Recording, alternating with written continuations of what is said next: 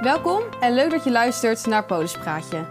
De podcast van GW, waarin wij jou meenemen in de wereld van verzekeringen en alles wat erbij komt kijken. Tijdens de podcast beantwoorden wij veel voorkomende vragen en gaat GW in gesprek met haar medewerkers en klanten. Veel luisterplezier. Een overlijden van een naaste heeft veel impact op de nabestaanden. In deze moeilijke periode moet er veel geregeld worden, zoals de nalatenschap. Een register-executeur kan je daarbij helpen. In deze aflevering gaan we het hebben over de afwikkeling van de nalatenschap. Dit doe ik samen met Raymond Mars van de Stichting Register-executeur en Willem van der Kammen, adviseur en register-executeur bij GAW. Fijn dat jullie er zijn. Raymond, ik begin met jou. Kan jij uh, even kort uitleggen wat een register-executeur nou eigenlijk is en wat het doet? Ja, een registerexecuteur is uh, iemand die is uh, opgeleid, gecertificeerd en goed bevonden om een nalatenschap af te kunnen wikkelen. Het is normaal een particuliere taak of het is een, een, een, een, taak die ook binnen het notariaat gebeurt. Maar de taak van de executelen hebben we zodanig uitgediept. En daar hebben we een professie van gemaakt, een beroep van gemaakt om dat te doen. En die registerexecuteur die is eigenlijk aan te spreken door iedereen die op een of andere manier betrokken is bij een nalatenschap. Dus dan okay. moet je denken aan een erfgenaam of iemand die juist geen erfgenaam is. Mm -hmm. He, dus dat noemen we een legitimaris, een onterfd kind, uh, wat je kan hebben. Maar het kan ook een schuldeiser zijn van een uh, overleden iemand waarop die nalatenschap een, uh, een vordering loopt. En hij heeft geen flauw idee wie die moet hebben om uiteindelijk toch de centen van de overledene nog te kunnen incasseren. Oké. Okay.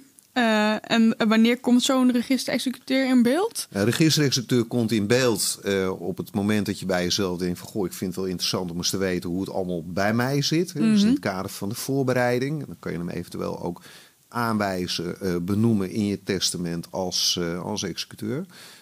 wanneer komt hij ook in beeld? Op het moment dat er inderdaad een overlijden heeft plaatsgevonden. En die nalatenschap die moet worden afgewikkeld. Hè. Je, kan, je kan het er niet bij laten. Er is niks eindiger als het leven, in ieder geval met de dood. Dus elke nalatenschap moet ook worden afgewikkeld. Ja.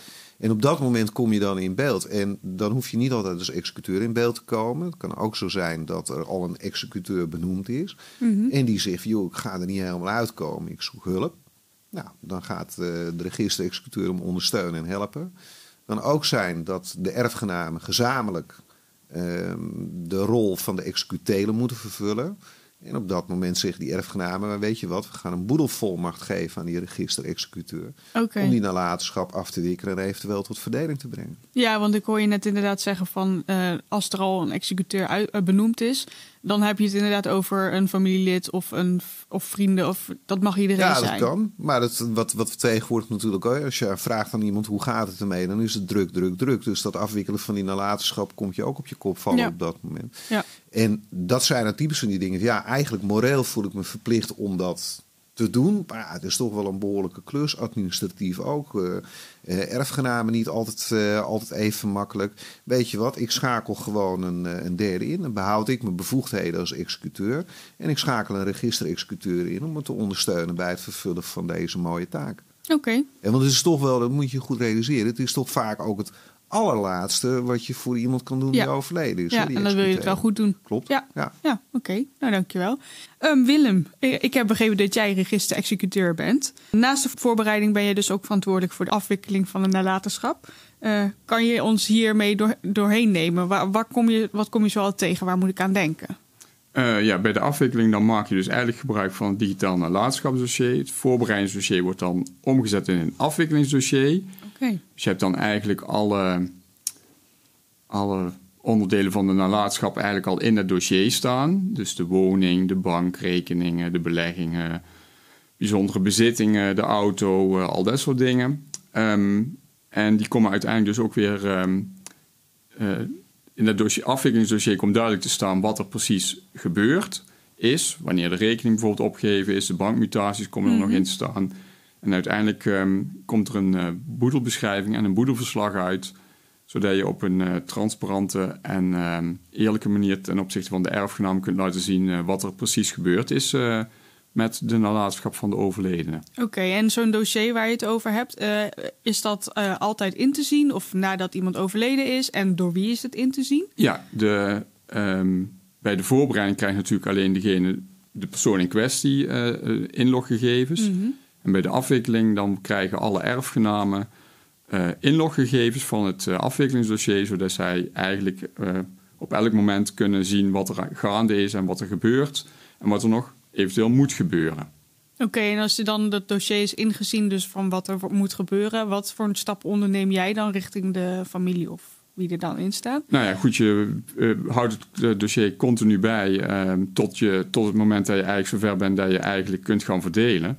-hmm. um, dus dat is een continu proces van uh, mutaties en ja, het bijwerken van. En uiteindelijk komt er, zoals ik zeg, een boedelverslag en een boedelbeschrijving uit. Um, zodat je alles kunt verantwoorden aan de erfgenamen. Oké, dus ja, als ik het zo begrijp, komt er best wel veel bij kijken. En ik heb van Raymond gaf het net ook al aan, er komt veel bij kijken. Ik kan me voorstellen dat je dan ook wel eens tegen een probleem aanloopt of iets waarvan je denkt, nou, daar kom ik zelf niet helemaal Ja. uit. Eh, heb je dan iets om terug op te vallen? Ja, zeker. Eh, ten eerste hebben we natuurlijk de stichting eh, waar we op terug kunnen vallen. Er zit een expertise desk. En ehm, ja, die kunnen je eigenlijk bij elk, elk probleem, alle vragen helpen. Ehm, en daarnaast heb je ook contacten met notarissen, eh, waar je eh, vaak een beroep op kunt doen ehm, als je ergens tegenaan loopt waar je niet uitkomt. Oké, en eh, nou, Raymond, jij bent van die stichting Register-Executeur. Ehm, ik heb begrepen dat jij dus ook daar, eh, nou ja, zo me- mensen of professionals zoals in Willem daarin kunnen helpen. Ja. Heb jij um, een specifiek voorbeeld waarvan je dacht van, nou ja, daar was jouw eh, expertise echt het verschil maakt? Nou, ik wil hem even iets groter maken. Hè. Dat is, ja. ehm, eh, Register-executeur is ook een platform. Dat Mhm. betekent dat we los van de expertise die wij op, op kantoor direct voor handen hebben. Eh, natuurlijk binnen het netwerk van eh register-executeurs zijn er inmiddels meer dan, eh, dan 100. Eh, ook mensen echt hebben van diverse pluimage. En dan moet je echt denken aan meertaligheid. moet je echt denken aan specifieke disciplines. Agrarisch taxateur zit er in de club. Eh, we hebben ook mensen die, eh, die uit het vastgoed eh, komen. Mensen uit de verzekeringswereld die, die daar eigenlijk allerlei expertises meebrengen. En zich dus ook met die executelen binnen- bezighouden. Dus onze primaire taak van de expertise is die eerste lijns vragen ook direct te kunnen beantwoorden. Of inderdaad zodanig eh, eh, de expertise binnen de organisatie en eventueel ook weer daarbuiten. Hè, want iedereen kent ook weer eh, allerlei andere mensen om, om die dan aan te roepen om dat tot een eind te brengen. Want ja, die trein moet door. Hè? Die, Ja. die executelen die moet, die, die moet blijven lopen. En als je vraagt van ja, welke, welke voorbeelden kan je daar, eh, daar inhalen, tot, van, van heel grappig tot, tot heel complex. Ehm, een tijdje terug hadden we iemand die, eh, die was overleden. En die had een aantal terraria had hij klaarstaan en daar zaten allerlei slangen en hagedissen en allerlei andere enge beesten zaten erin. Ja, en volgens die registerexecuteur die belde, zei, ja, wat moet ik er nu mee? Want eh, dat, dat, dat, die beesten, hoe, hoe zit het? Nou, gelukkig hebben we dan ook weer iemand binnen de club zitten eh, die de soort gelijke hobby heeft. Dus die kon daar meteen eh, op, op inspringen om ervoor te zorgen dat die beestjes een, een goed huis kregen. Nou, dat is dan weer de, de, de grappige kant. Mhm. Eh, inhoudelijk, ja, wat ik al zeg, van, eh, je komt soms toch echt wel in, in, in, in hele pittige zaken terecht. Waarbij je dus eh, ook eventueel gaat, gaat procederen. En dat betekent dat je ook intern even kijkt, joh, heb jij wel eens iets dergelijks bij de, bij, bij de hand gehad? Hoe is dat toen gelopen? En uiteindelijk bereid je daarmee natuurlijk wel heel goed je zaak voor. En Ja. Dat doen we niet alleen maar intern bij ons op kantoor, maar we hebben ook de intervisies, waarmee je dus ook de andere mensen binnen de organisatie mobiliseert om mee te denken over een bepaald probleem. En dat, dat is wel een enorme meerwaarde. Want dan kom je toch best wel op inzichten waar je in eerste instantie zelf niet, eh, niet opgekomen Ja, was. want ik begrijp uit, uit jullie verhaal eigenlijk inderdaad dat het vooral heel erg met elkaar is blijven overleggen en zo nodig eh, meerdere partijen erbij halen om tot de oplossing te komen. Klopt. Ja, want uiteindelijk moet elk probleem opgelost worden. Hè. Je kan het er niet bij laten. En, Nee.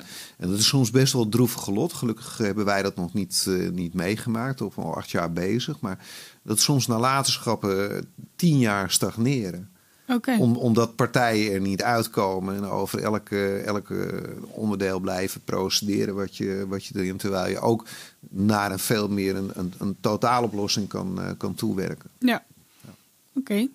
En want ja, dan vraag ik me verder nog inderdaad af, want je hebt het over complexe uh, situaties. Maar is dat nou iets wat veel gebeurt? Dat jij bijvoorbeeld, uh, Willem, uh, terugvalt op het ex expertise desk? Of is, is het over het algemeen wel een soepel lopend zaakje, zullen we maar zeggen?